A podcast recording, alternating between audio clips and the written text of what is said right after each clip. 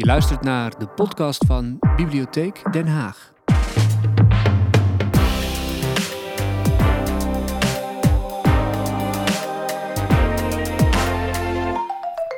Hallo, welkom bij de eh, bibliotheek in Den Haag in Nieuw-Waldeck.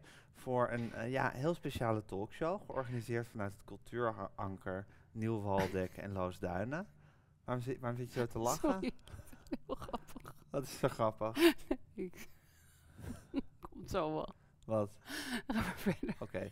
Eh, ik interview vandaag columniste Aafrand Corsius, met wie ik ook al... Hoe lang zijn we getrouwd? M- m- Drie jaar? Drie, Vier vier, jaar? bijna vier jaar getrouwd. En we zijn al 15 Vijftien jaar jaar. bijna samen. Dus dat is allemaal heel heugelijk. Dus ik heb me al heel erg lang voorbereid op dit interview. Ja, ik ben heel benieuwd of ik een vraag ga stellen waarop ik het antwoord nog niet weet. Maar dat is eigenlijk het experiment van deze middag. Hoe vind je het gaat tot nu toe? Hartstikke goed. Waarom ja. had je zo de slappe lach daarnet? Nou, omdat je, de, omdat, je be- omdat je met die presentatie bezig was. Ja, Ik weet niet, dat vond ik gewoon eens heel dat grappig. vond je heel grappig. Ja. En Wat was er grappig aan? Jij zat zo in die camera te kijken met je ogen. ja. Wat, wat had ik anders moeten doen? ja, dat, dat was eigenlijk hartstikke profi. Maar ik had ook het gevoel dat jij bijna de slappe lach kreeg. Nee, ik was Oh, heel professioneel met mijn werk bezig. Wat grappig is, hier ligt ehm, een deel van je oeuvre.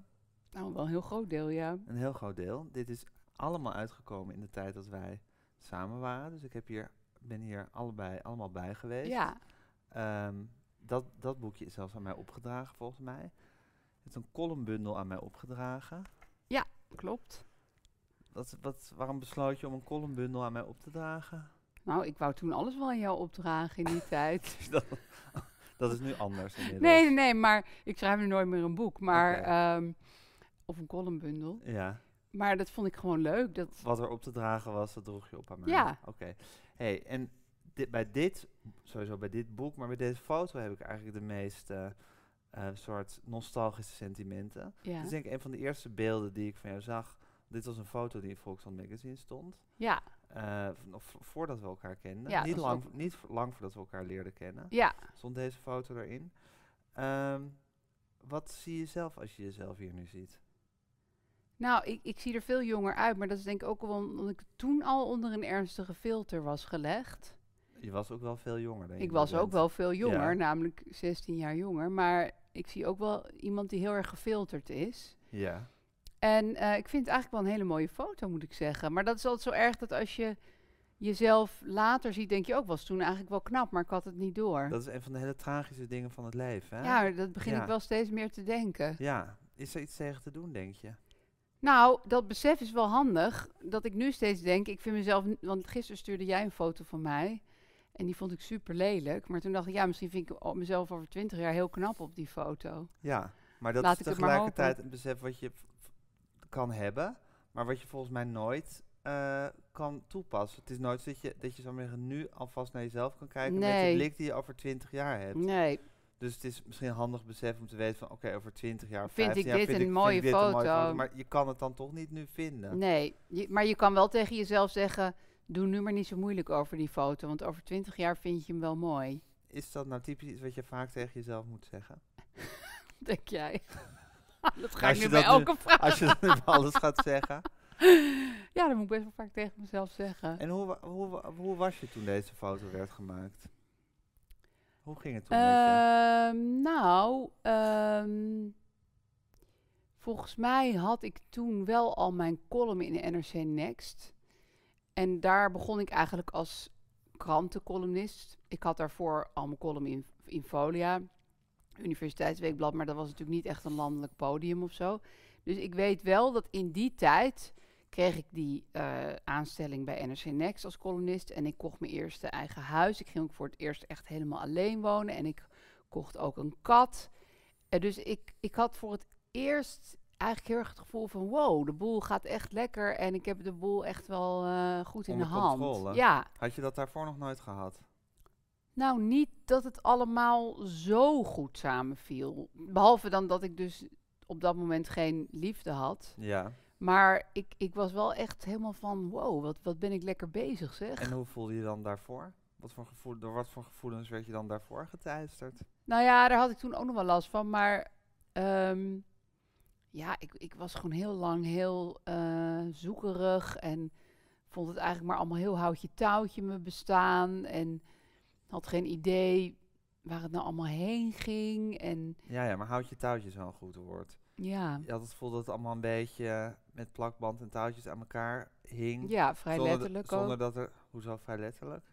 Nou, ik vond bijvoorbeeld mijn, mijn huis, wat ik voor dat koophuis had, wat gewoon een soort van studentenshack was, Ja, die hing wel bijna met touwtjes aan elkaar. en plakband. En plakbandjes. En, Ja. en bijvoorbeeld dan had de badkamer geen verlichting, maar wel een raam. Daar scheen dan het ganglicht wel zo'n beetje doorheen. Ja, Waardoor je er wel kon douchen, maar niet echt in de spiegel iets kon zien. Dus zo'n soort bestaan. en dat was een beetje een eh, symbool voor jouw leven op dat moment. Ja, het was allemaal een beetje erg onhold.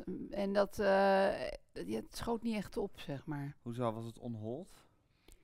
Nou, ehm, ja, zoals je misschien zult weten, had ik in die tijd, voordat ik jou ontmoette, Ja, een lange afstands knipperlichtrelatie. ja, Daar gaat het boek ook over. ja. En eh, daardoor woonde ik wel in Amsterdam, maar was ik er niet veel. En hield ik expres een heel soort klein goedkoop huurhuisje aan, zodat ik geld over had om te reizen.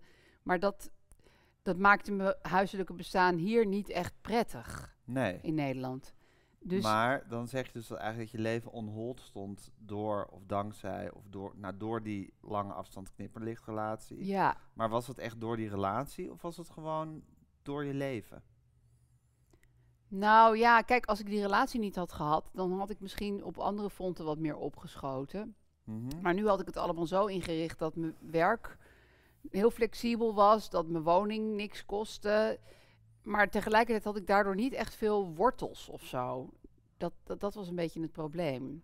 Maar je kreeg die relatie denk ik toen je 25 was of 26 Ja, was. zoiets. En had je daarvoor wel veel wortels?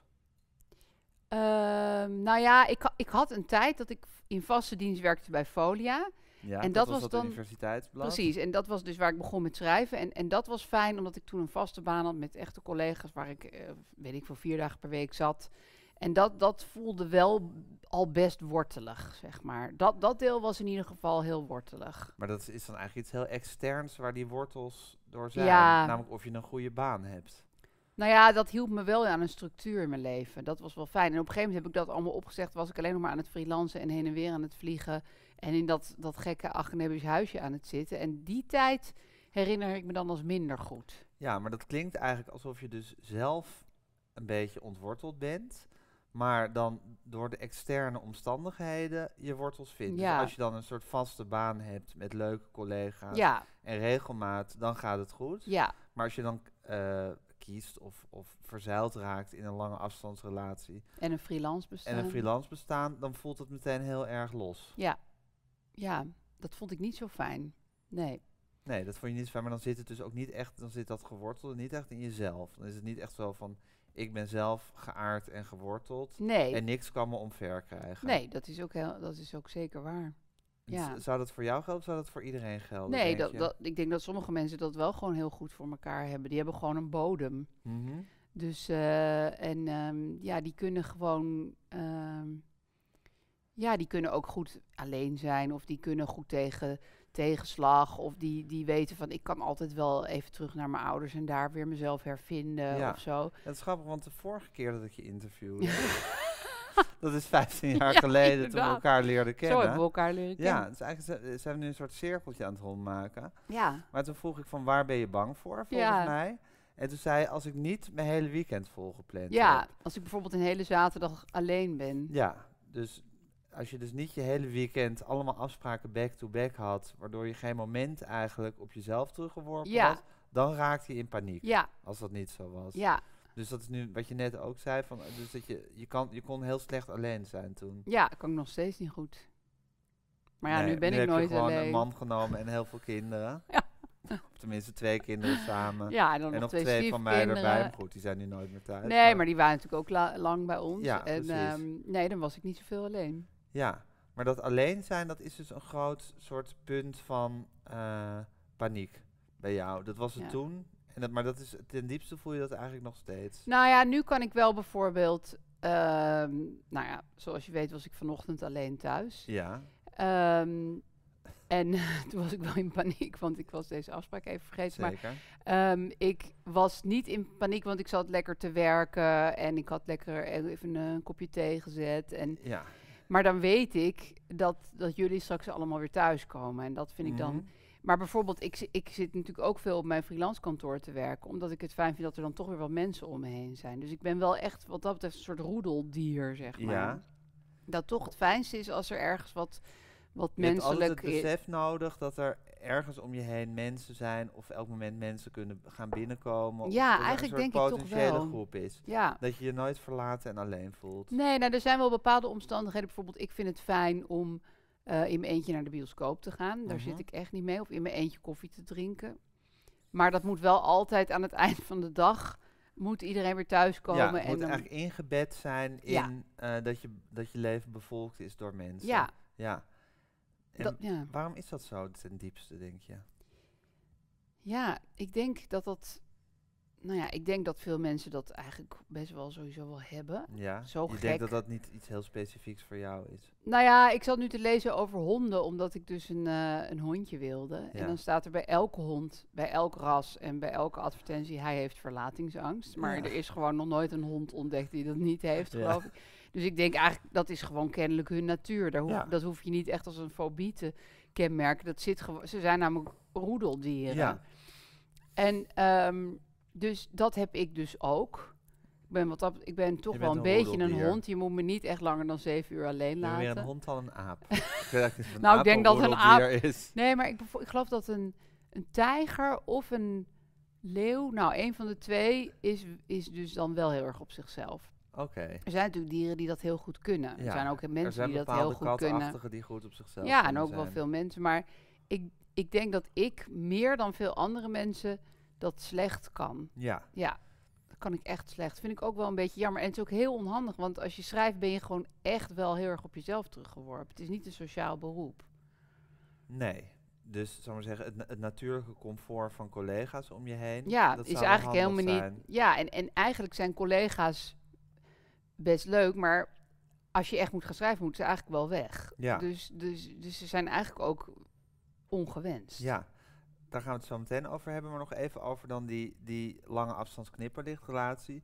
Ik neem aan dat je vrij snel doorhad dat het een lange afstands knipperlichtrelatie zou worden. Ja, heel snel. En dat het eigenlijk het tegenovergesteld was van waar jij behoefte aan hebt. Want jij hebt dus behoefte aan iemand die gewoon er is Ja. voor je. Zeker. Ja. Waarom, is, waarom bleef je dat dan toch najagen? Ja. Dat weet haast niemand, om met jou te spreken. Nou, ik denk ook gewoon dat ik echt ja, heel onzeker was en dacht, dit is het dus blijkbaar. Dacht, en dit kan ik deze wel. aalmoes wordt, wordt mij toegeworpen, Ja, die, wat- moet, moet ik maar nemen. Ja, het was echt zo van, nou, dit koekje ligt dan op, dit, op mijn pad. Nou, dan is dat maar mijn koekje. Maar ik wist ook wel dat dat helemaal niet het koekje was wat ik eigenlijk wilde hebben. Maar ik dacht, ja, dit is kennelijk het beste wat, eh, wat er, eh, Wat wat er van is. te maken is. Ja, ja, dus En ik blijkbaar kon was het je, wel. Blijkbaar, ik weet niet of je het nog steeds doet, maar blijkbaar was, was je toen dus ook zo dat je dacht van... eh, ik heb recht op zo weinig. Wat er, wat er aan koekjes op mijn pad geworpen wordt, dat moet ik dan maar nemen nou, dat was het nou ook weer niet echt. Want ik was ook heus wel eens iemand anders tegengekomen en dan Die was het dan ook wel weer uit op een gegeven moment. Maar het was, ja, ik werd ook wel een beetje in die situatie gemanoeuvreerd. Ja, maar het was niet helemaal mijn eigen toedoen allemaal. Nou, ook wel. Er was een hogere macht in het spel die jou dwong tot allerlei dingen. Nee, maar sommige Je was gehypnotiseerd door Rassi Rostelli. ja, dat laatste. ja, het is wel grappig dat je Rassi Steady nou noemt. ja, Nee, maar ehm, zoiets wel een beetje. Dat je ja, het was, het was natuurlijk mijn het eigen gevoel dat je schuld. niet helemaal beslissingsbevoegd was of bekwaam op dat moment. Ja, eigenlijk wel een beetje. Ja, maar er was ook niemand die me er echt... Want veel mensen zeiden ook van, hier moet je gewoon mee stoppen. Dit is helemaal niet leuk en dit is helemaal niet fijn. En, en daar luister ik dan weer niet naar. Dus, dus Nee, maar goed, dat was dus omdat je... Het, ja, het, het was bijna dat je door, door, door iets gestuurd werd wat je niet zelf in de hand had. Ja. zoals een verslaving. ja, Ja, eigenlijk wel. waarbij iedereen zegt dat het slecht is en je zelf weet dat Ja, het je weet is. het gewoon. Ja, maar zit er, was het dan ook een soort, soort zelfstraf of zo?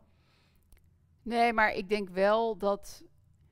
Ja, dat klinkt allemaal heel pathetisch. Maar kijk, als je. Als je weet je, als je heel erg eh, uit een soort heel erg warm donse nest komt. eh, Met heel veel liefde bent. Ik kreeg wel veel liefde en zo. Maar ik was ook als kind wel al heel erg op mezelf teruggeworpen. Ja, Het was heel erg van. Ja, met je moeder die heel vroeg was doodgegaan en Ja. je vader die niet over heel veel zorgen heen. eh, Nee, die kon niet zo goed verzorgen. Hij was wel lief, maar hij was niet zorgzaam. En ehm, ook gewoon best wel met zijn eigen dingen bezig. Dus dan, dan, dan leer je gewoon van ja. Ja, ik, dat is een beetje zoals dat aapje in dat, dat, dat, Ja. dat zielige kooitje. Die geen warm moederaapje erbij heeft. ja. Dan word je ook een beetje van, nou ja, dit is gewoon, ja, kennelijk eh, moet dat zo of Ja. zo. Ik weet wel dat het eigenlijk ja, leuker zou misschien ga moeten je zijn. ook eh, soort kilheid of afwijzing met liefde verwarren. Nou, misschien is het meer van. ehm, dat kan ik heel goed. Met zo iemand kan ik goed omgaan. Ja. Ja, Is dat zo. is wat je, maar dat is wat je dan verward met liefde. Want dat Ja. is wat je misschien als kind krijgt van je ouders Ja. of van je ouder. In ons beide geval. Dat is wat je, wat je, wat je eh, interpreteert als liefde. Ja, dat, dat wat is je, waar. Wat je ingeprogrammeerd krijgt als liefde. Ja, Dus dat voel Dus je dat dan moet het als dan maar liefde. zijn, ja. ja. ja maar ik, ik vind het ook wel moeilijk om op YouTube mijn vader geen credits voor liefde te geven. Want die gaf hij ons echt wel. ja. Hij gaf ons echt wel liefde. Ja, maar goed, je koos dus voor een onhandige relatie en je hebt dus gekozen voor, of gekozen voor dat voor schrijven Ja, als je vak.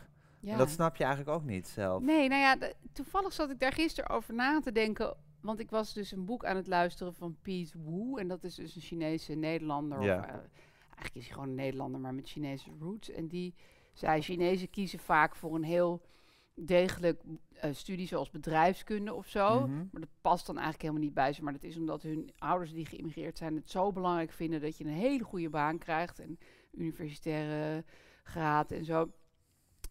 En dat, dat, dan kiezen ze eigenlijk iets wat helemaal niet bij ze past. Maar daar komen ze dan later achter. En dan gaan ze hopelijk nog het juiste doen wat voor hun goed is. Maar, maar toen dacht ik, ja, dat, dat kan je voor mij eigenlijk ook wel een beetje zeggen. Want ik vind schrijven natuurlijk wel leuk. En ik vind ook heel veel dingen die erbij komen kijken heel leuk. Maar dat eenzame bestaan vind ik echt niet fijn. Ik wil, ik wil altijd met anderen samenwerken eigenlijk. Ja, Ehm, dus waarom kies ik dan voor het meest kluizenaarachtige beroep wat er maar ongeveer is?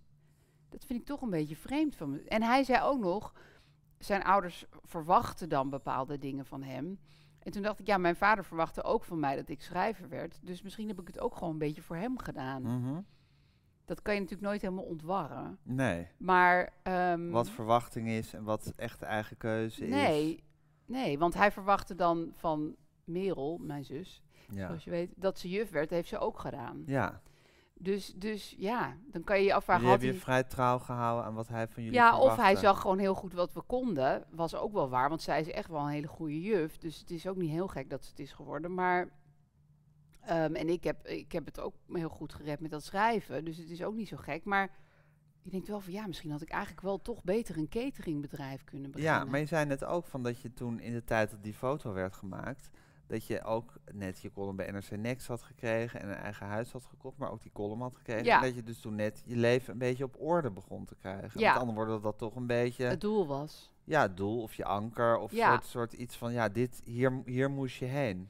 Nou, dat is ook weer waar. Want ik werkte daarvoor, had ik een tijdje geschreven. En toen heb ik ook een tijdje in de uitgeverij gewerkt.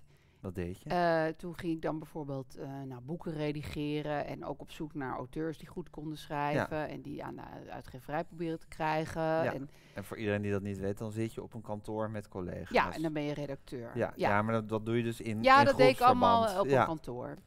En wat ik daar dus moeilijk aan vond, was dat ik dacht, ja, maar ik kan zelf gewoon schrijven. Wat zit ik hier nou eh, in de kantlijn bij andere kleine correcties aan te brengen? Ja. Dat, dat- dus ik, dus Ebru wat, te redigeren. bijvoorbeeld. Ja. En eh, dus, dus dat zegt ook wel weer wat over mijn eigen ambities. Dat ik dan toch ergens voelde van nee, nee, nee, maar dit moet ik zelf doen, dit moet ik zelf doen. Dus, dus wat dat betreft zeg ik wel dat ik, dat, dat ik het gek pad heb gekozen. Maar zo'n gek pad is het ook niet, want ik voelde dat ik zelf moest schrijven. Ja, en je presenteert ook een beetje alsof het het verkeerde pad is. En alsof je het maar dat is dat je ook echt niet waar. wilde. Nee, nee, maar dat is ook echt, dat is ook echt niet waar. Maar En wat is het met jou en schrijven, denk je? maar ik denk dat iedereen dat wel een beetje heeft. Wat? Nou, iedereen die iets van een eh, scheppend beroep heeft, Ja. zeg maar. Het is ook gewoon deels een beetje een kwelling en het is eenzaam. Scheppen gaat van ouw. Hoe heb je dat nou weer? Het is een uitspraak. Ja, maar dat vind ik echt verschrikkelijk klinken. Ja, maar het is wel zo. Scheppen gaat ook wel een beetje van oud. Ja, Ja, en als het niet van oud gaat, is het ook weer niet goed. nee. Want dan is het weer te makkelijk Nee, gegaan. je moet altijd in jezelf, je moet al uit jezelf iets trekken. Ja, dan moet je het Ja, zelf ook het gaat nog nooit echt onder het vanzelf. voetlicht brengen. Ja, of over, moet je zoals sommige niet- mensen zeggen, Of, of, over, voor. of whatever. Ja. E- Een of ander voetlicht moet Ja. het heen. En dan moet je je dus ook nog ja, eh, blootstellen aan de meningen van andere mensen. En vooral aan je eigen mening. Ja, Ehm, en je vindt het ja het ergste is natuurlijk inderdaad dat wat je ook maakt, dat je altijd het kut vindt zelf. Ja, Zeker in eerste instantie. ja, en ook omdat je, omdat je jezelf heel goed kent, is nooit van, nou, wat heb je me nou weer verrast met, met, met, met dit stukje. Hè, maar, maar haal- Ja, waar haalt ze dit nu weer Nou vandaan? ja, dat moet ik ook altijd tegen mezelf zeggen. Bijvoorbeeld nu heb ik dan die podcast eh, met Mark-Marie Huibrechts. En dan Ja. luister ik hem terug. En dan, eh, dan denk ik van, oh ja, maar dat is dat deel van het gesprek. Ik denk, ja, maar een ander heeft Helemaal dat... niet, je zit keihard te lachen. Nee, ik moet er ook heel vaak om lachen. Maar, maar sommige grappen weet ik natuurlijk al. Ja. En, en, en dan, dan moet ik even niet keihard lachen. Maar dan denk ik, ja, maar voor een ander is dit allemaal nieuw. Ja, Voor mij is het natuurlijk niet nieuw. nee. En dan En- moet je met dat stukje... Ja, moet ik ook denken van ja, ik vind dit allemaal heel logisch, maar, maar een ander heeft dat niet zelf ook Nee. op- net opgeschreven. Maar er is dus iets wonderlijks of iets wonderlijks. Je, je denkt heel vaak van, waarom in godsnaam ben ik gaan schrijven? Want ik vind het A, een kwelling. En B, hou ik er eigenlijk van om... Nou, dat denk ik niet de hele tijd. Want Nee, ik denk de ook heel vaak, wat heb ik toch een fijn leven door dat hele schrijven. Wat kan ik ja, veel wat denk dingen je nou doen. eigenlijk? Nou, allebei. Ja, maar goed, dat is dus volstrekt logisch, dat heeft iedereen. Dus tenminste, behalve misschien een paar uitzonderlijke Ja, mensen. dat is waar. Er is niemand die elke Nee, dag maar het fluitend klinkt nu alsof ik het gaat. allemaal zo'n ramp vind. Dat is natuurlijk ook helemaal niet waar. Dat is gewoon niet waar. Want, want ik- Maar toen je dus nog redacteur was bij die uitgeverij, toen zat je dus het werk van anderen te redigeren. Ja. En dan dacht je eigenlijk de hele tijd van, ja, moet ik zelf doen. dit moet ik zelf doen. Ja, Ja, want dat was natuurlijk ook omdat Hoe- ik daarvoor wat jaren met wat voor een geschreven. Want als redacteur ben je toch ook gewoon een dienend Ja, iemand. Dan moet je eigenlijk gewoon helemaal je voegen naar ja. het talent van een ander. En dat zo goed mogelijk stimuleren. bijschaven, ja, stimuleren en bijschaven. Maar, je, maar niet, zal ik zeggen, helemaal je eigen wil erop leggen. Nee. Maar het een beetje, Nee. was je daar geschikt voor? Nou, ik denk de mensen die ik heb begeleid. Ik, ik weet nog dat ik één iemand begeleidde. En ehm, ik had, ik, zij was een van de eerste. En ik had zeg maar haar eerste paar hoofdstukken gekregen. En die had ik alle woorden bijna rood onderstreept. Dat ik ze niet op de goede plek vond staan. Het was echt, dat En de hele verkeerde manuscript was rood. Het waren de verkeerde woorden op de verkeerde Ja, en plekken. ik dacht serieus dat ik haar daar een enorme dienst mee deed. En eh, ik had helemaal niet bedacht hoe demotiverend dat was. En dat het ook een deel van je vak is om te zeggen, wat fantastisch en wat goed. En ik Ja. zie hier nog wel even een dingetje. Daar moeten we even op letten. Nee, dus ik had haar dat kijken. teruggemaild en, Ja. en, en zij had het uitgeprint. En toen heeft ze het heel hard in een hoek van de kamer gegooid. Want ze had zoiets van, ze vindt dus niks wat ik heb opgeschreven goed. En dat was in feite ook Nou zo. ja, ik had blijkbaar wel veel erover te zeggen. Maar dat was echt een les voor mij. Dat ik dacht, ja, je moet dus eigenlijk helemaal loslaten hoe het in jouw ogen zou moeten zijn. Je moet er natuurlijk heus En daar heb je een sterk idee over. Ja, nogal veel te sterk eigenlijk, denk ik. Dat, dat ik, ik kan, ja, dat, dat is gewoon, dat is net zoals met vertalen, want ik, dat heb ik gestudeerd. Dan moet je dus je eh, ondergeschikt maken aan de Wat tekst van de brontekst. en, en dan moet je niet denken, oh, maar ik kan dit eigenlijk leuker zeggen. Nee, dat is niet de bedoeling. En dat is natuurlijk ook, als je, maar als je iemand gaat redigeren, dan word je wel een soort van geacht om er wat verbeterpuntjes in aan te brengen. Maar echt niet te veel. Maar goed, later zei ze wel, ik was je ook erg dankbaar, want je had wel veel goede dingen opgeschreven en eh, Mhm. het maakte de tekst wel beter. Maar dat was wel een soort les dat ik dacht, nee, ik had haar eigenlijk op een heel andere manier moeten benaderen. En Ja. sowieso niet een heel rood papier aan haar moeten terugsturen. Nee, dus dat was een les. Zeker, Maar was het ook een les in of je er geschikt voor Ja. bent? Dat denk ik wel. En namelijk, wat was, wat was de les? Dat je er niet geschikt voor Ja, bent. en, en ook de andere kant, dat je als redacteur ook boeken aankoopt. Dus je gaat eh, dan eh, in Engelse boeken lezen meestal, die worden vertaald.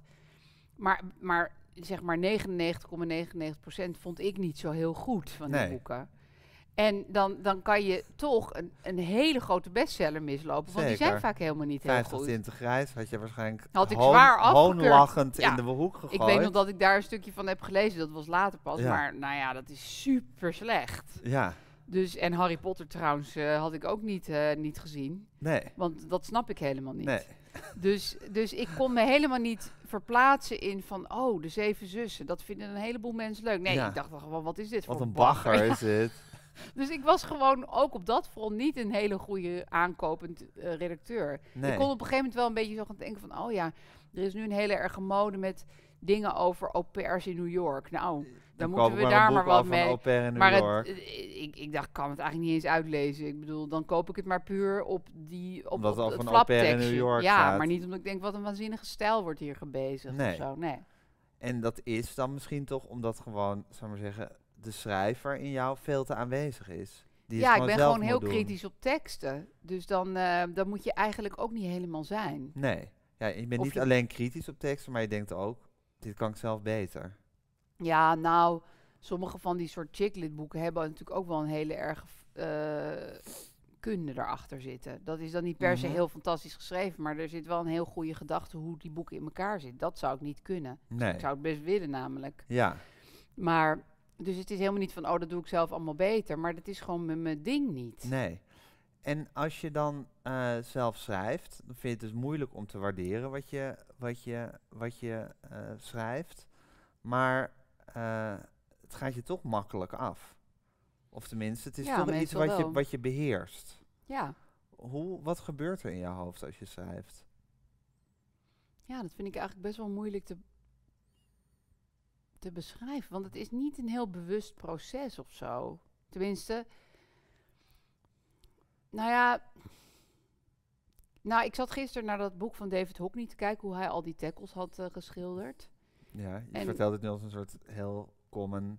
Nou ja, jij was erbij. ik was erbij, maar de, de nou, er was, kijkers een heel, niet. er was een heel mooi boek. Niet iedereen in Nieuw-Waldeck of Nee, Loosduinen was hierbij. toevallig bij mij toen ook dat Nee. tackleboek aan het doornemen. Dat is een boek van de schilderijen en tekeningen die David Hockney van zijn tackles Ja, heeft die heeft, die heeft twee tackles en die schildert en Ja. tekent die heel veel. En er is één boek van. En elke tekening klopt gewoon helemaal.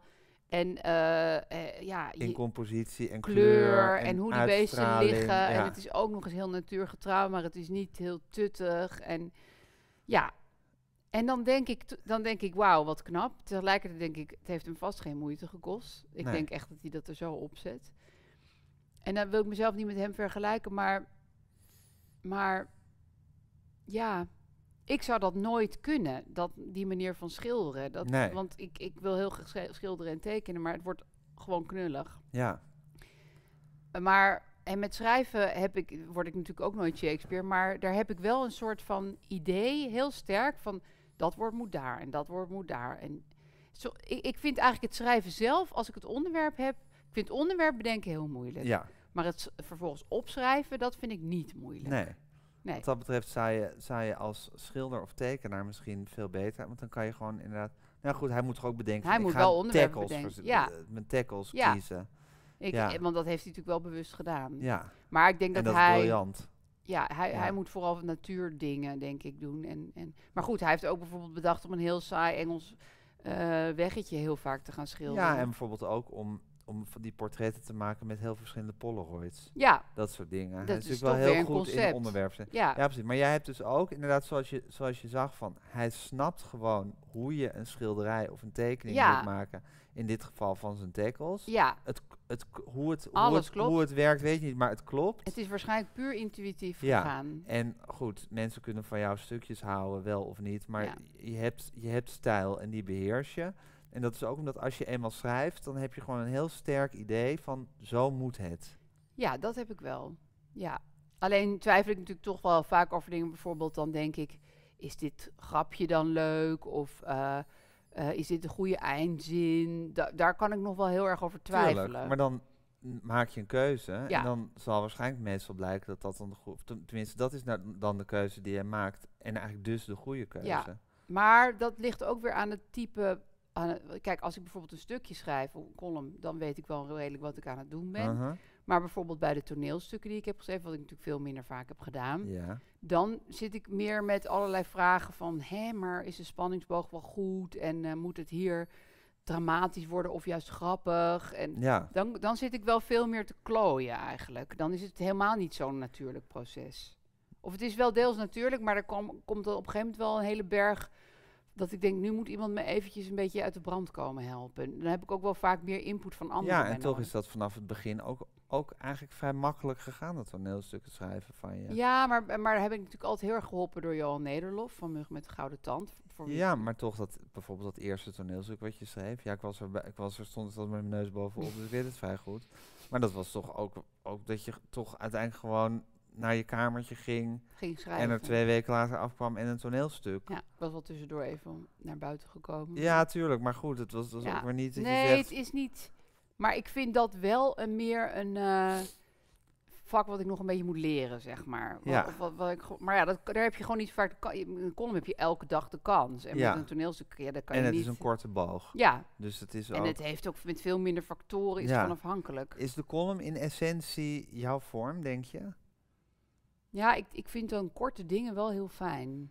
Ja, Maar is dat ook, ik maar zeggen, waar je altijd het gevoel van hebt gehad van dat is wat ik uit, wat dat is uiteindelijk wat je hebt bijvoorbeeld volgens mij nooit de ambitie gehad om een roman te schrijven. nou, wel eens over nagedacht, maar Ja, niet tuurlijk. echt heel diep. nee, maar goed, nee. je bent dus wel dat, dat, dat, je, dat, je, dat je zou schrijven was denk ik bewust of onbewust wel duidelijk in je Ja. hoofd. En dan wist je dat het niet een roman was. Zo ik denk dat heel veel mensen denken van ik ga een roman schrijven.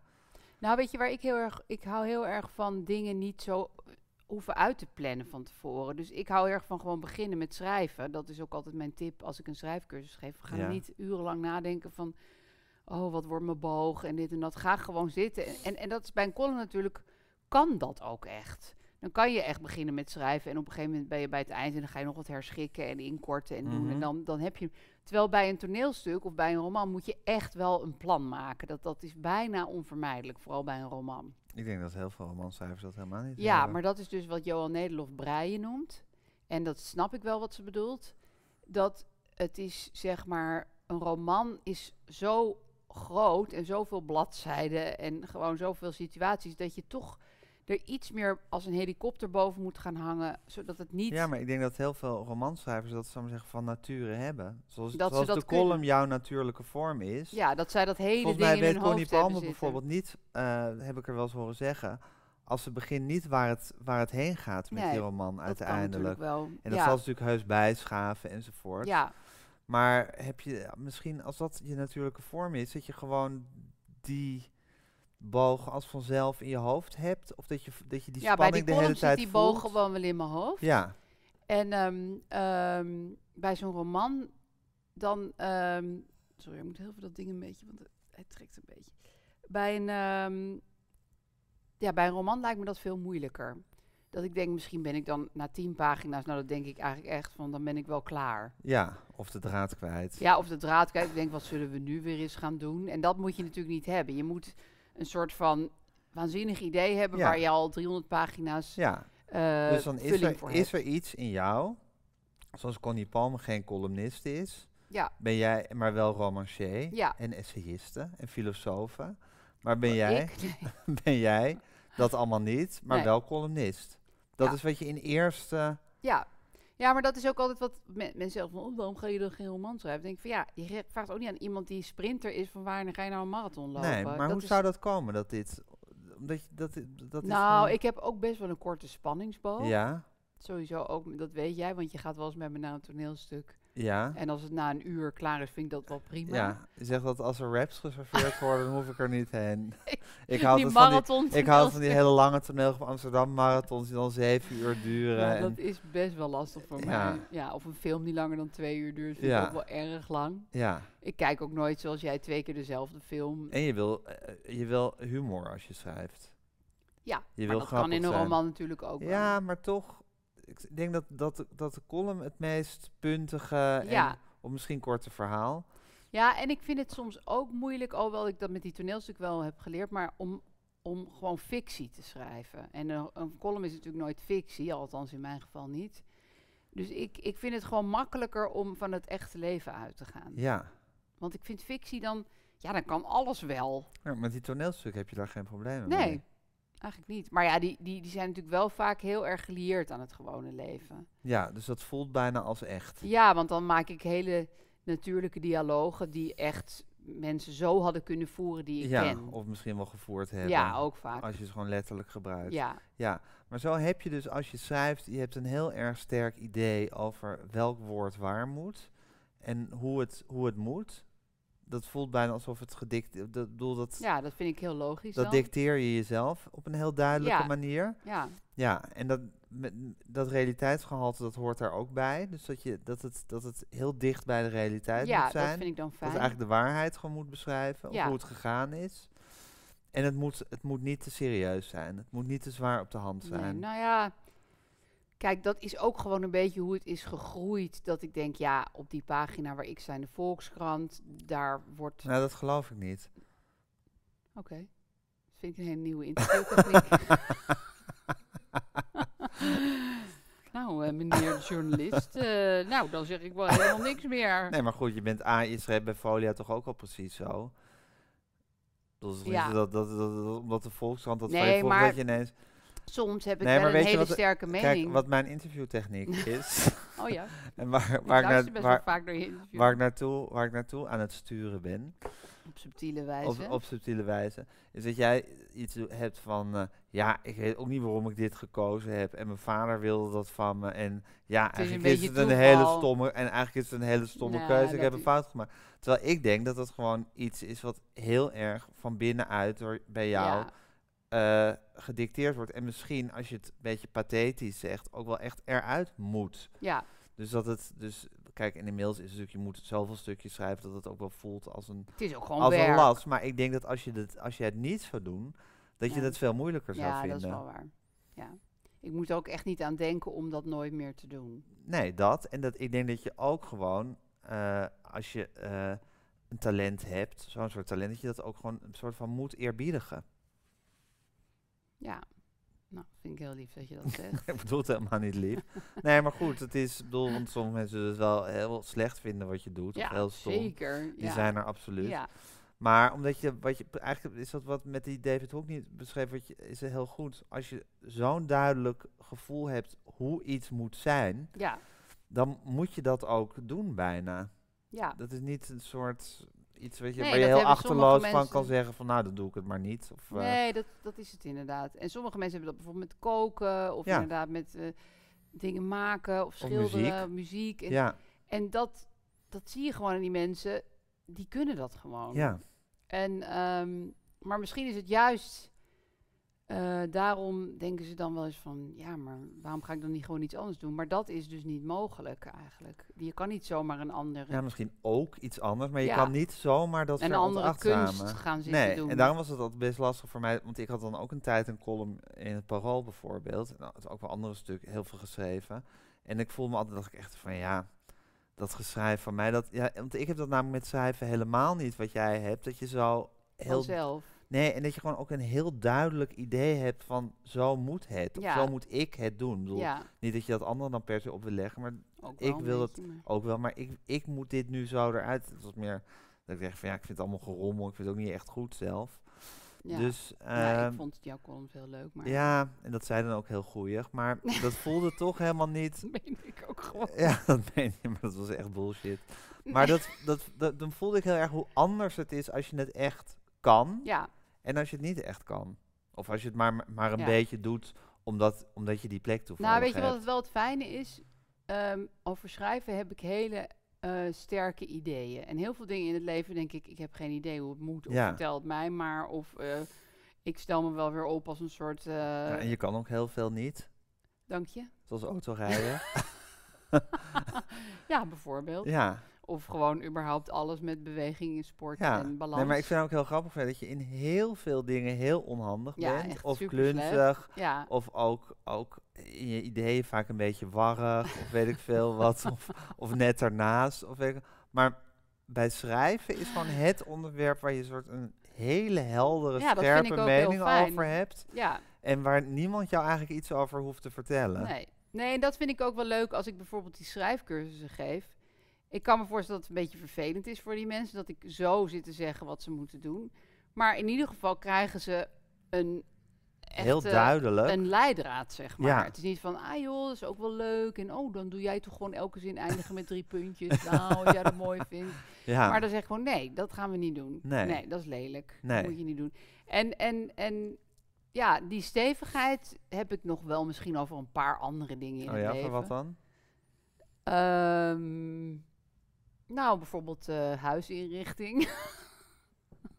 nou, daar ben ik ook best wel... eh, Ja, maar dan laat je bijvoorbeeld altijd door mij van de wijs brengen. Ja, dat Ga je altijd dingen aan mij voorleggen en Ja, dan en zeg dan zeg van jij, ik vind het niks en dan, Ja. en dan ben je weer helemaal onzeker. En dat zou voor schrijven nooit zo zijn. Nee. nee, maar ik kan me voorstellen dat ik eh, daarover ook wel sterke ideeën zou kunnen hebben. Ja, Oh, nou, over dingen die ik mooi en lelijk vind, zeg maar. ja, dat soort dingen. Dat- ja.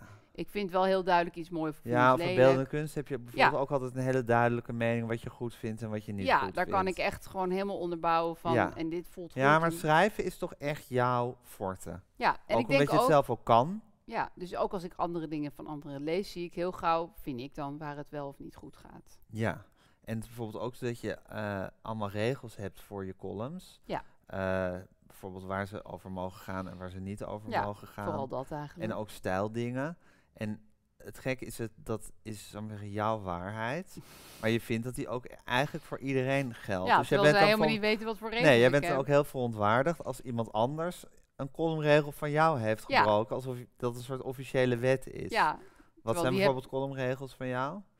Nou, je mag bijvoorbeeld nooit schrijven, bijvoorbeeld over dit. Wij doen dit nu hier in de bibliotheek. Ja. Dan mag ik er daarna geen column over schrijven. Nee, want je bent hier eigenlijk gevraagd omdat je columnist bent. Ja, dan vind ik het een beetje gek om daar dan weer op een soort metaniveau een column je moet over- je gewone mensenleven schrijven en Ja. niet over je columnisten bestaan. Nee. Nee, Dus als iemand anders dat wel doet, vind ik dat schrijven over een schnabbel die ze, zij of hij... Ja, of ik was had. daar en daar een lezing aan het houden. Denk, nee, nee, nee, daar mag je niet over schrijven. Nee. Maar dat weet diegene natuurlijk helemaal niet. nee, maar dat vind je dan ook echt ja, onbegrijpelijk. dan denk ik, hoe, hoe kan je nou, nou die regel niet voor jezelf hebben verzonnen, net als ik?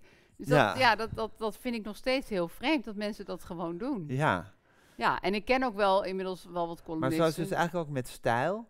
Dat je dus eigenlijk een heel duidelijk, eh, duidelijk idee hebt over stijl. En dat je eigenlijk ook niet snapt als mensen zich daar niet aan houden. Nou, met stijl heb ik het wel... Is het wat minder duidelijk of ja, maar je hebt wel, als je bijvoorbeeld een boek zit te lezen wat je niet bevalt vanwege de stijl, dat je daar ook echt wel een soort beetje verontwaardigd over Ja. bent. Dat je echt denkt, hoe kan dit nou? Ja, dan heb ik wel vaak dat ik denk, niet zozeer de schrijver, maar ik denk, waarom, waarom, gaat die, waarom doet die, geeft die uitgever dat nou uit? Ja, Want natuurlijk krijgen ze heel veel shit opgestuurd, dat snap ik ook ja wel. maar je hoeft het niet allemaal uit te Je hoeft geven. niet allemaal een kafje omheen te doen in een winkel te leggen. En je kan ook denken, we gaan het beter maken of we gaan het niet uitgeven. Of we gaan vragen of diegene alleen maar hele korte versies wil Mhm. schrijven. Maar ja, dan denk ik, ja, waarom is hier niemand voor gaan liggen? Dat Nee, vind ik gewoon niet oké. nee, het vind je bijna een soort, ja, Ja, en ik vind zelfs met zeg maar de. Nee, maar ik vind zelfs met zeg maar dingen, thrillers die in de ACO heel hoog opgetast liggen. ja. Ik snap ook wel dat dat niet een soort van hele ingewikkelde meesterwerk hoeft te zijn, maar dat in ieder geval de zinnen kloppen. Ja, Dat, dat vind ik dan zo stom. ja Ik of denk dat er een vertaler met enig taalgevoel aan is Ja, gezet. die niet gewoon letterlijk de Engelse woordvolgorde heeft over. Dat, dat, Ja. vind ik dan, dat, vind ik, dat vind ik gewoon zo lui. En ik denk dat dat gewoon met drie dingetjes zo beter gekund. Ja, Met een paar ingrepen. maar dat is toch ook wel heerlijk dat je gewoon iets hebt in het leven. Want ik denk dat er ook heus mensen zijn die dat, die dat niet bij iets speciaals hebben. Dat er iets is wat je kan en waar je een heel duidelijke mening over ja, hebt. dat is eigenlijk wel fijn. Ja, Want je presenteerde dat hele schrijven eigenlijk net als een soort, ja, meer als een soort lode last. Miskleun. Als een soort miskleun waar je, waar, je, waar je door allerlei omstandigheden ingewurmd bent. Ja, daar heb je wel gelijk in. maar dat is ja. toch ook heerlijk? Ja, nee, dat is echt wel zo. Ja, het is best wel leuk om iets te doen waar je vrij zeker over bent. En ook om daar dan les in te geven. Of, En erkenning eh, voor te krijgen. Zeker. Nou ja, daar ben ik ook nooit ondankbaar voor Nee, geweest. zeker niet. Nee, daar ben ik hartstikke blij mee. Ja, Dat krijgen ook heel veel mensen die hartstikke goed kunnen schrijven helemaal niet. Nee. Dus dat eh, is nog best lastig. ja, Of lastig, dat is geluk als je dat krijgt. ja. Geluk ook wel terecht. Ik bedoel, Ja, maar eh, ik denk dat er heel veel mensen zijn die Zeker, maar dat is dan schrijven. onterecht. Ja, ja, dat is waar. Ja. Ja. maar dat zijn er echt veel. ja, zeker. Maar dus waar je het net misschien een beetje negatief Zo te doen. Zat het schrijven een beetje negatief te framen. Ja, dat ik wel een beetje te doen. Weet je, dan kunnen we nu misschien ook een beetje positief framen. Ja. Nee, maar ik vind het ook echt wel leuk dat je dit nu zo ehm, eigenlijk tegen me zegt. We hebben het hier natuurlijk best wel vaak over gehad, maar dat meestal kwam er dan net een kind binnen of zo. Ja, Of de kat al, had ergens op geplast. ja. En heb je ooit ge- het gevoel gehad dat je het moest leren schrijven? Ja. Wanneer dan? Nou, toen bij Folia eigenlijk. Dus, Maar wat moest je dan precies leren in die tijd? nou, ehm, eigenlijk had ik wel vrij snel door hoe dat moest, maar ik weet dus nog dat ik mijn eerste stukje ging schrijven. Dat was gewoon een nieuwsartikel en dat ging over een tentoonstelling van een letterzetter. Mhm. En die begon ik dus met de zin... eh, Jacob van Kampen, of weet ik veel hoe die man heette... leefde van 1601 tot 1699. Ja. Ja, dat is gewoon een super slechte beginzin. Nou, en toen zei Arjen Fortuyn, die nog steeds ook heel veel schrijft... ehm, dat was dus zeg maar mijn Die werkte mentor. ook bij Folia. Ja, dus die was wat ouder en die mocht mij begeleiden. En ehm, die zei, ja, dat is een hele saaie beginzin. Nou, toen dacht ik, ja, daar heeft hij natuurlijk gewoon gelijk in. Dus dat ga ik nooit meer doen. Fortuin. Ja, ik schaamde me natuurlijk ook heel erg. Dat ik dacht, ja, wat, heb ik dan nou weer verzonnen? Maar goed, Je dat schaamde was... je ook meteen heel Nou erg. ja, dat was natuurlijk ook de, de hele bedoeling van dat mentorschap. Het was niet de bedoeling dat je iemand in dienst nam die alles al kon. Ik Nee. heette ook leerlingredacteur. Dus het was ook echt duidelijk, ik moest daar opgeleid worden. Maar ik denk daar nog heel vaak aan. Dat was maar een heel kleine opmerking, maar dat was wel vrij essentieel. En weet je nog wat je beginzin toen werd? Nee, waarschijnlijk hè? Nou, volgens mij was het toen een quote van die letterzetter. Van die zei altijd iets van... De E moet altijd in de lucht, of zo. dat verzin ik nou, hè. Ja, snap maar de- met Ja. zo'n quote beginnen, het is natuurlijk eigenlijk heel makkelijk. Een Ja, soort truc, maar dat is veel levendiger dan beginnen met... Meneertje Pompidom leefde van 1900 tot 1950. Ja. Dat wil echt niemand lezen. nee. Dus dat, dat was eigenlijk een klei- vrij kleine ingreep... waar ik erg veel aan heb gehad. Ja. Ja, dat had ik dus eigenlijk altijd met schrijven precies omgekeerd. Namelijk, ik schreef dan heel vaak interviews. En dat is eigenlijk ook leuk als je een interview op een soort leuke, vlotte manier Ja, een beetje begint. midden in de handeling. Ja, of een leuke omschrijving van iemands Ja. huis. Maar ik kan dat Nee. gewoon niet. Ik dat altijd een soort heel formeel, Ja, dat is heel grappig. saai omdat- begin. En dan eenmaal na een woordje of honderd is het wel een soort van opgang. Maar ja, een soort... maar dan kan je het begin er gewoon afknippen. Hè? Sommige mensen moeten dat saaie begin even schrijven. Ja, maar dan zat je alweer vaak in het gesprek. Het ging er juist om, want ik ging, schreef dan altijd gewoon vraag-antwoord, die Ja. interviews. Maar het ging juist om dat je een soort, sfeertje soort ging. leuk sfeertje ging creëren van... eh, Ze heeft een ze groene liet, broek Ze aan. liet me binnen en struikelde meteen over de drempel Ja, of zo. ja. Maar dat, Ze ja, dat, dat, dat, dat, soort, dat soort, soort vlotheid had ik gewoon niet. nee, nee, jij gewoon ging geen altijd- stijl. Nee, ja, op de een wilde jij altijd gewoon helemaal van die en die li- doorliep het VWO van toen Ja. en toen. Ja, precies. Ja. Ja, dat heb ik ook bij jou niet uitgekregen. Nee, maar dat is ook omdat ik dat gewoon niet kon. Maar dat is dus wel wat je dan dus, waar je dan dus tegenaan loopt als je dus geen natuurlijke schrijver bent. Kijk, ik heb dus weer heel vaak als ik interviewers bezig zie, Ja. dat ik altijd maar denk van, waarom snap je niet dat het nu zus en zo moet? Ja. Dat is toevallig iets wat ik mezelf. Wel, wel vind kunnen. Ja, Maar dan snap ik gewoon niet dat ze het niet snappen. nee, Maar goed, met schrijven snapte ik zelf dat het niet zo best was. nee dat dat zag niet, je wel. Dat het niet eh, briljant, niet, niet de top was. Dat was ook weer niet, niet Nee, de joh. bodem, maar Nee. niet de top.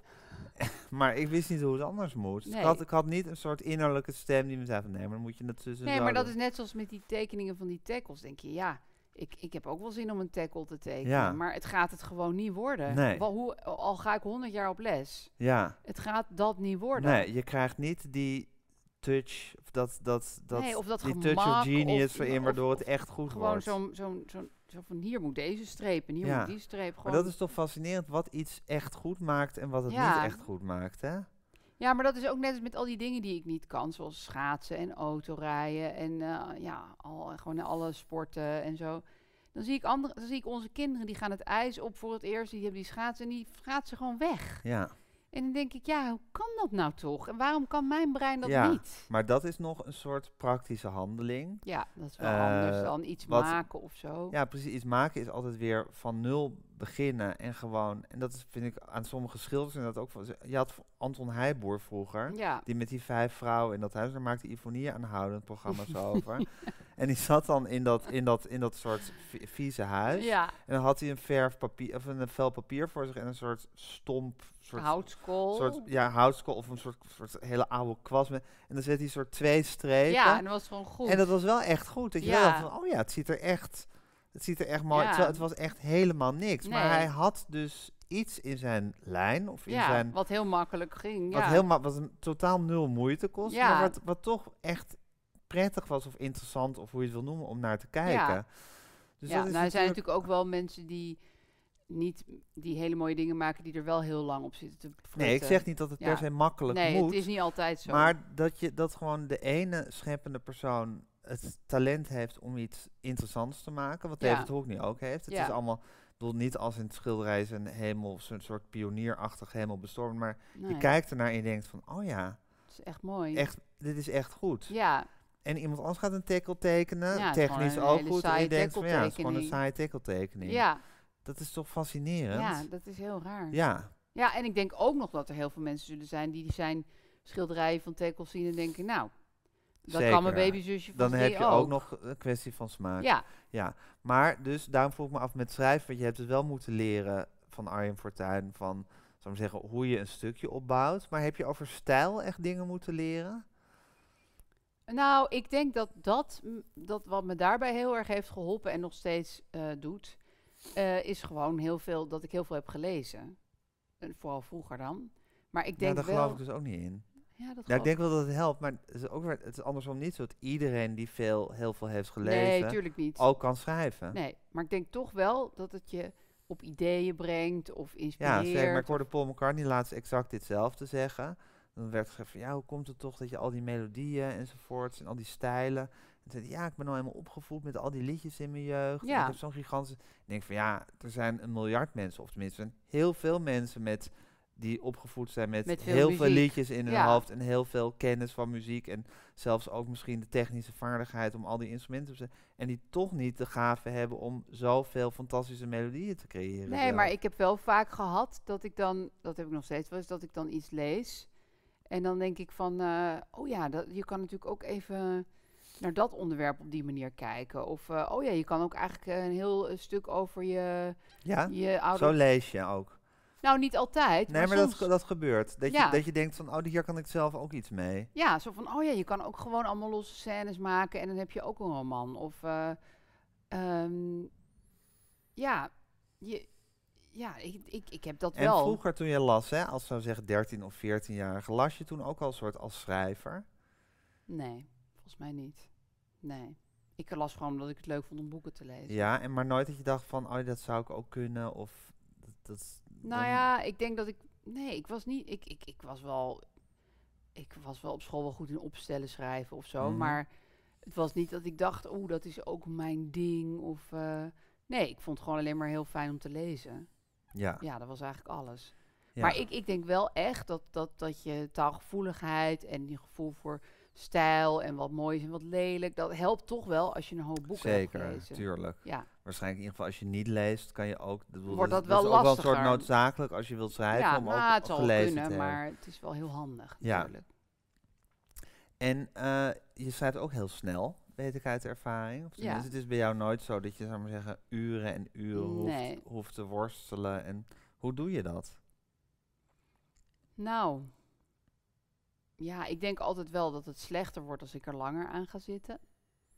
Dus, dus ik zou natuurlijk nog een paar uur eraan kunnen gaan frutselen, maar dan wordt het niet beter. Ja, maar volgens mij is het denk ik bij mensen die heel traag schrijven, dat ze juist ook nog niks hebben na vier uur. Dus niet dat ze, dat ze het na twintig minuten zoals jij al af hebben en dan nog vier uur gaan verbeteren. Nee, ze maar dat hadden het dan nog vier niks. uur duurt Nee, nou, maar er zijn natuurlijk ook wel mensen die heel lang gaan zitten schaven en een woordje hier en een dingetje dat. En dat is volgens mij heel vaak geen goed idee. En even heel praktisch dan. Hoe, je, je moet iets schrijven. Ja. Wat, wat, gebe- hoe, wat gebeurt er precies in je hoofd? Nou ja, het ding is dus wel, als ik het onderwerp al weet, Ja, bijvoorbeeld eh, vanmorgen moest ik een stukje voor de Margriet schrijven. ja, Nou, had ik al bedacht dat ik het over het deelhondje ging doen. Dus Ja. het hondje wat wij gaan misschien een beetje gaan lenen van ja. iemand af en Want je hebt, een, je hebt een obsessie voor een hondje hebben nu. Ja, En dat, heeft, dat resulteert nu in dat je, dat je af en toe een hondje mag lenen ja, dat van ik oppas iemand. op een Ja. hondje. Ja. Nou, dat is een leuk onderwerp. Dus dan heb ik het onderwerp al en dan schrijft het stukje zichzelf min of meer. Maar als Oké, maar hoe gaat dat dan precies? Je hebt het onderwerp en dan ga je zitten. ja, En wat gebeurt er in je hoofd? Ik wil even weten waarom Nou- jij er een kwartier over doet en iemand anders 2,5 uur. Mm. Nou, nu bijvoorbeeld. ehm,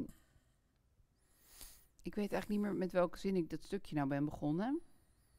Maar ehm, ja, ik, weet, ik kan het heel moeilijk beschrijven eigenlijk. Ik weet natuurlijk wel ongeveer, ik wist wel welk punt ik ongeveer over het hondje wilde maken.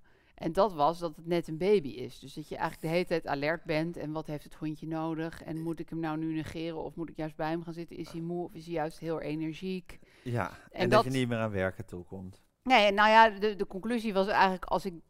Ik paste nu ineens toe wat ik na elf jaar opvoeden van mijn eigen kinderen... een heel klein beetje snap op dat hondje. Namelijk, Ja. soms moet je ze echt negeren en is dat beter. Ja, Maar daar heb ik bij de kinderen heel lang over gedaan. Bij het hondje...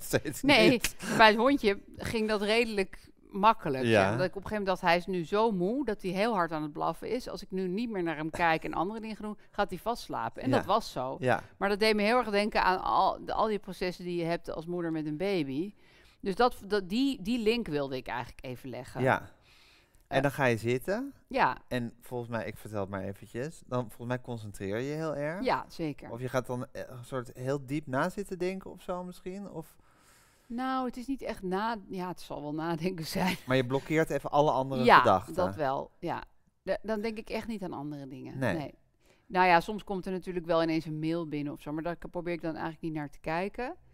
Want ik vind het niet fijn om de hele tijd uit die flow te raken. Nee, Dat, dat raad ik mensen ook altijd aan. Van, ga nou niet proberen dit tussen je kinderen te doen. Of, of nee. Oftewel je Soms moet dat wel, maar Tuurlijk. ik heb ook wel eens in een volle trein iets geschreven. Maar je moet je wel echt flink afsluiten, denk ik. Ja, En als je dan in die, in die, ja, in die, in die flow komt, zit. ja, dan, dan, dan, dan moet je volgens mij ook op dat moment even niet zo heel kritisch zijn. Dus dan schrijf je gewoon door. ja. Gewoon wat er in je opkomt om dat verhaal te vertellen. Ja, gewoon alsof je het nu aan jou zit te vertellen, Ja. zeg maar. Dus dan, zit er wel al een leuk ritme in en zo. Maar dan kan je later nog terug en dan ga je denken... oh ja, maar dit zinnetje doet er eigenlijk helemaal niet toe. En hier gebruik ik een stopwoordje. Of dit zeg ik twee keer nou. Of weet je wel, maar dat moet je dan... Dan ga je redigeren. Ja, maar dan moet je dus eerst echt gewoon even voor de imperfecte versie gaan. Ja, en dan heb je altijd een vrij duidelijk gevoel over in, we- in welke volgorde je zo'n verhaaltje moet vertellen, welke woorden je moet gebruiken, Ja. hoe, de, z- hoe het ritme van de nou, zinnen dat is moet eigenlijk zijn. alsof ik zit te praten. Ja, maar je schrijft heel anders dan je praat, Ja, maar vind ik. voor mij voelt dat een beetje alsof ik gewoon een verhaal zit te vertellen. Ja. Ja. Nou, ik vind, namelijk- want ik vind dat je als prater kan je heel erg babbelen. dat heb ik al heel vaak tegen je gezegd. Terwijl je als schrijver juist altijd heel, soort heel to the point en puntig Ja, maar bent. dat is natuurlijk ook omdat je dat moet zijn. Dus je kan niet als schrijver gewoon eventjes 10.000 pagina's vol babbelen en nee, dan precies. Maar daarom is het, vind ik het dus heel anders dan Ja. hoe je praat. Ja. Maar dat heeft misschien met die concentratie te maken. ja, en met Dat het feit dat er gewoon een eindig aantal woorden beschikbaar is. Dus je kan niet Nou ja, en dat je het gevoel hebt dat je moet presteren. Dat, je, dat Ja. het leuk moet zijn. Ja, dat het niet saai moet worden en dat er geen zinnetje te veel in moet staan. En dat het wel een lekker ritme moet hebben en al die dingen nog meer. Ja. Ja, en dat lukt de ene dag natuurlijk beter dan de andere. Maar ehm, ja, het helpt mij wel om, om, om de eerste versie gewoon nog een beetje grof te maken. En dan daarna gaan we het wel een beetje tweaken, zeg ja, maar. maar dat is eigenlijk best wel weinig. Wat je dan nog moet... twe- Ik bedoel, een woordje, een zinnetje. Ja, maar daar ben ik toch ook wel een tijdje mee bezig. Dat Ja. is denk ik net zo belangrijk als het, he- als het stukje eerst maken. Zeker. Maar het, is, het gebeurt allemaal in een vrij geconcentreerde en overzichtelijke tijdspanne. Ja, maar dat denk ik dus ook dat als ik dat te langzaam zou gaan zitten doen en te veel...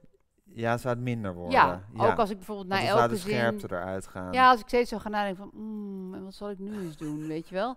Dan, dan, dan, dan, dan wordt het denk ik een ongelooflijk vervelend stukje. Ja. Dus dat, maar ik denk dat dat voor anderen dus een goede manier is. Maar voor mij is dat geen, het moet er echt zo gewoon zo uit. Ja. Heeft het je ook zelf iets over jezelf geleerd, al dat schrijven eigenlijk? Het is ook gewoon een soort voortdurende blik op jezelf natuurlijk die je hebt. Ehm,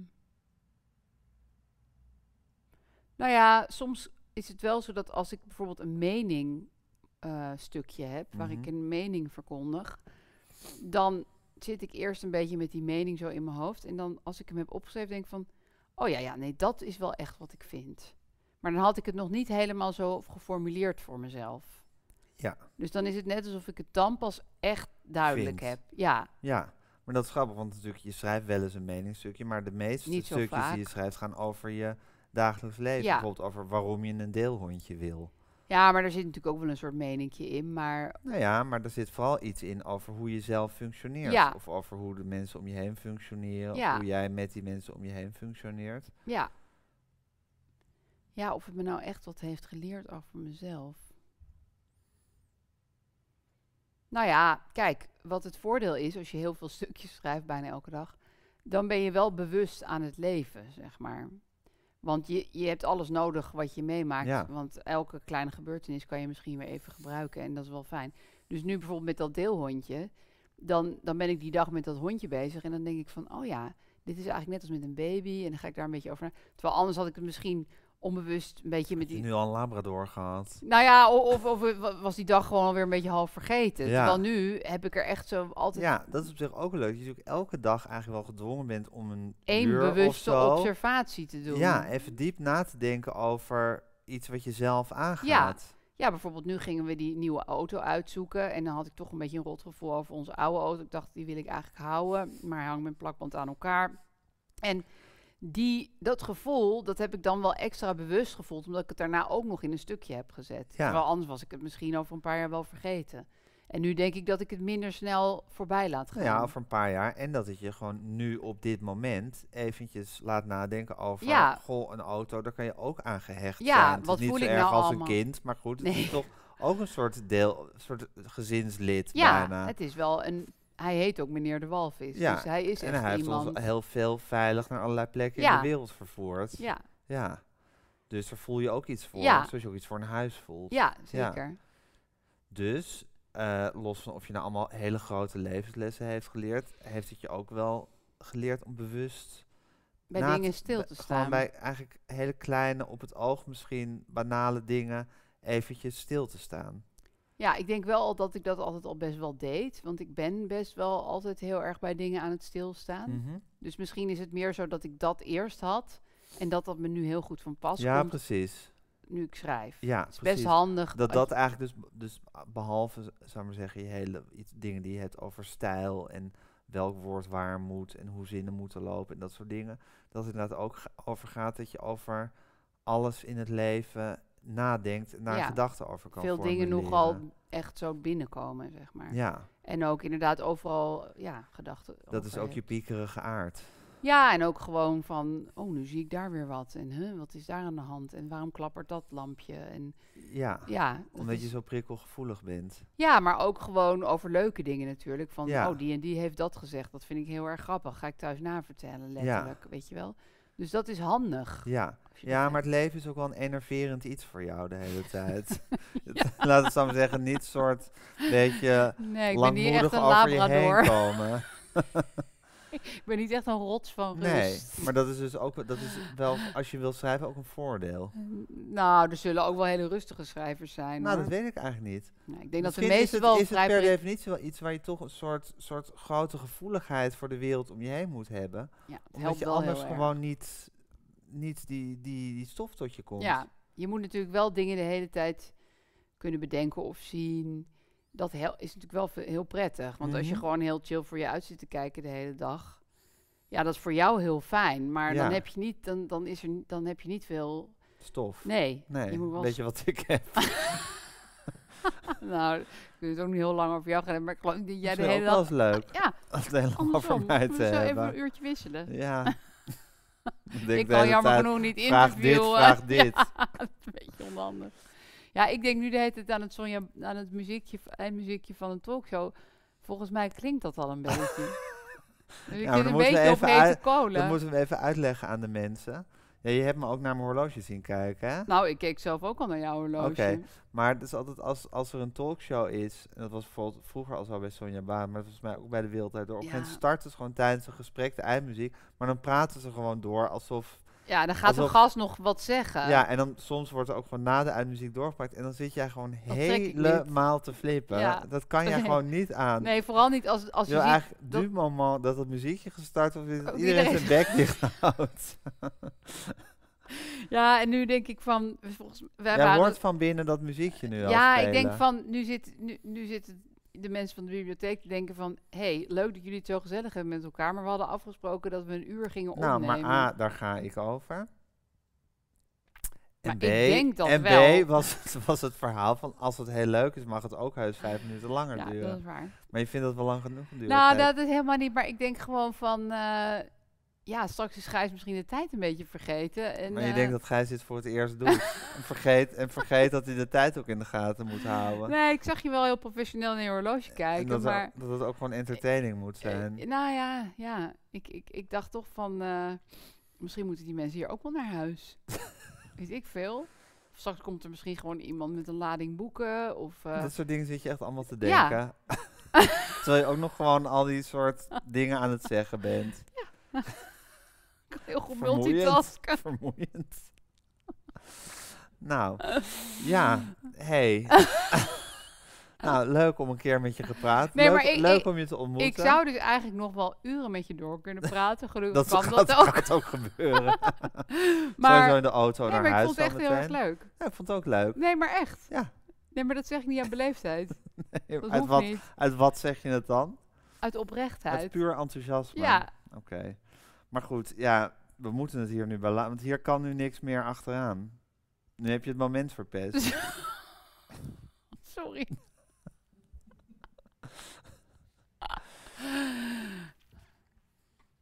ja. Hoor je nu een heel dramatisch eindmuziekje, zoals wij zo zitten te En knikken? dan moet nu eigenlijk het eindmuziekje ingestart worden. Oké, dankjewel. Jij ook, schat.